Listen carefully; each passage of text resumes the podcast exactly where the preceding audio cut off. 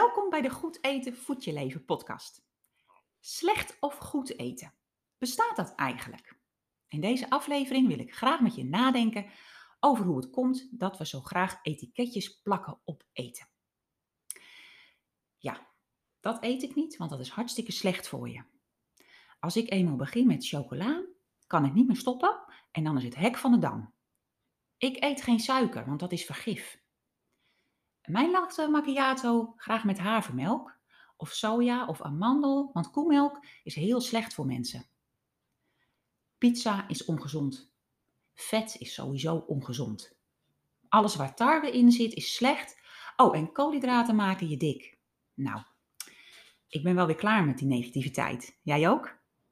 Maar zonder gekheid, dit is wel wat veel mensen denken. Jij misschien ook wel. Ik dacht dit soort dingen ook. Niet allemaal, maar ja, er is nu eenmaal gezond en ongezond eten, toch? En gezond is minder lekker dan ongezond. Oh, dat was er ook nog eentje. Een hele belangrijke misschien wel. Want waarom is dat? Is ongezond nu eenmaal lekkerder dan gezond? Waarom denken we dat?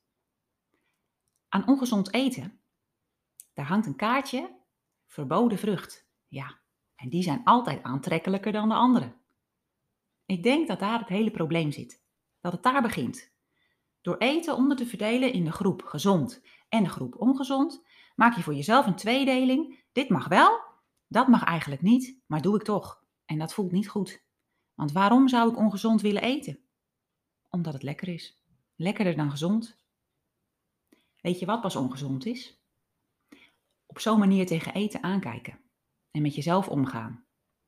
Want hoe vaak is het niet zo dat je na dat ongezonde eten niet blij bent met jezelf? In een eerdere aflevering van de podcast heb ik het al eens gehad over die term gezond. Wat houdt dat nou in? Wat is gezondheid?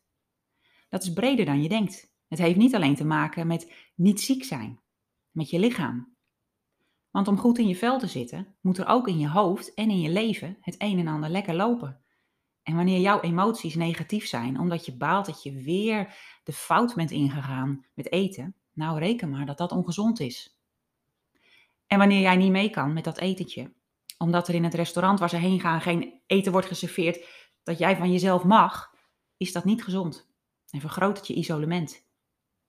In het verleden en door de hele dieetindustrie is en wordt er zo gehamerd op dat verschil tussen gezond en ongezond. Door bepaalde dingen te verbieden zou je de oplossing hebben voor tal van problemen. Overgewicht, gezondheidsklachten, moeheid, ga maar door. En natuurlijk weet ik dat voeding een grote rol kan spelen bij diverse aandoeningen. Dat er genoeg ziekten zijn die een voorschrift vragen omdat mensen anders eenvoudig ziek of zieker worden. En ook dat iedereen anders in elkaar steekt. En dat voor de een een bepaald voedingsmiddel of ingrediënt niet past omdat het echt klachten veroorzaakt. En dat is heel ingrijpend. En vanzelfsprekend laat je het wel om dat soort dingen dan te eten. Hoe jammer dat soms ook is. Maar dat bedoel ik hier allemaal niet. Het labelen van een product als ongezond, puur omdat het geen of heel weinig goede voedingsstoffen bevat, waar je wat aan hebt, of omdat je er dik van zou worden, dat is wat ik bedoel. En ook het klakkeloos en te snel aannemen en overnemen van bepaalde statements over voeding, zonder dat je echt goed hebt gekeken waar de bron zit. Denken in goed en slecht is dan een vorm van alles of niets denken. En dat heeft al veel mensen die ik bijvoorbeeld in mijn praktijk tegenkom in de problemen gebracht. Dan hoor je dingen als, nou dan heb ik de hele dag goed gegeten en dan gaat het s'avonds toch nog mis. Heel de dag weer verpest. Ik ben vast niet afgevallen deze week. Ja, ik heb te veel troep gegeten. Oh, toch wel? Hoe kan dat nou? Of ik koop voorlopig even helemaal geen snoep en chips, want dan kan ik ook niet in de verleiding komen. We denken vaak dat afvallen alleen lukt met gezond eten. Natuurlijk is dat niet zo. Je valt af als je minder eet dan je verbrandt. Heel simpel. Dus als jij op een dag 1800 calorieën binnenkrijgt met alleen gevulde koeken en glazen cola en je verbrandt er 2000, dan zal je gewicht verliezen op den duur. Dat lukt gewoon. Maar natuurlijk is dat niet gezond. Het is eenzijdig. De balans is weg. En juist die balans, daar gaat het om.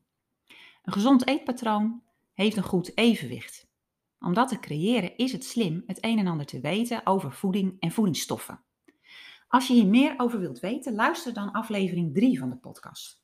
Daar leg ik dat uit. Dat zal ik hier niet weer herhalen. Die voedingsstoffen die heb je nodig om je lichaam goed te verzorgen. Zodat je organen goed werken, je voldoende energie hebt, je lijf beschermd is en alle processen vanuit je hersenen goed aangestuurd kunnen worden. Heb je dat goed gefixt door producten te eten en te drinken waar die voedingsstoffen in zitten, dan komt deel 2. Door te weten dat je goed voor jezelf zorgt met je voeding, smaakt je eten veel beter. Althans, zo werkt het bij mij. En dan heb je die rij met heerlijke dingen die je voorheen zo ongezond vond, waar je vanaf moest blijven, tot in lengte van jaren. En die daardoor, door dat te denken, jou aan de ketting legde van het dieetdenken. Wat er vervolgens altijd voor zorgt dat je op een of ander moment voor de buil gaat. Maar als jij jezelf niks verbiedt, wie dan wel? als je volwassen bent. Dan ben je vrij. En weet je wat er dan vaak gebeurt? Op het moment dat die lijst met verboden dingen niet meer verboden is, gaat het vaak veel beter met dat losgaan. Dan mag je het gewoon en ligt er geen druk meer op. En hoeft het ook niet meer allemaal tegelijk op, omdat deze dag toch al mislukt was, dus wat maakt het dan nog uit? Dat is de manier om een gezond eetpatroon op te gaan bouwen. Met ruimte voor alles. Soms duurt het lang voordat je daar bent is het een heel proces. Het gaat om het veranderen van je mindset, van gewoontes, en dat kost tijd om te oefenen. Er kunnen ook andere dingen meespelen, bijvoorbeeld als je last hebt van emotie eten. Wees geduldig met jezelf, je bent aan het leren. Een andere taal leer je ook niet in een weekendje. Ik hoop dat ik je weer stof tot nadenken heb gegeven. En als je merkt dat je hierin ondersteuning nodig hebt, dan ben ik er graag voor jou. Neem dan even contact met me op. Tot de volgende keer.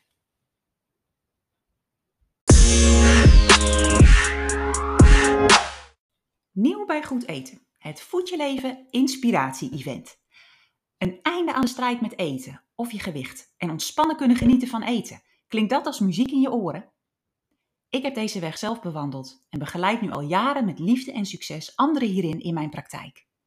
En vanaf nu, iedere maand op de maandagavond bij het Inspiratie-event, vertel ik hoe ik het heb bereikt en ik leer het jou.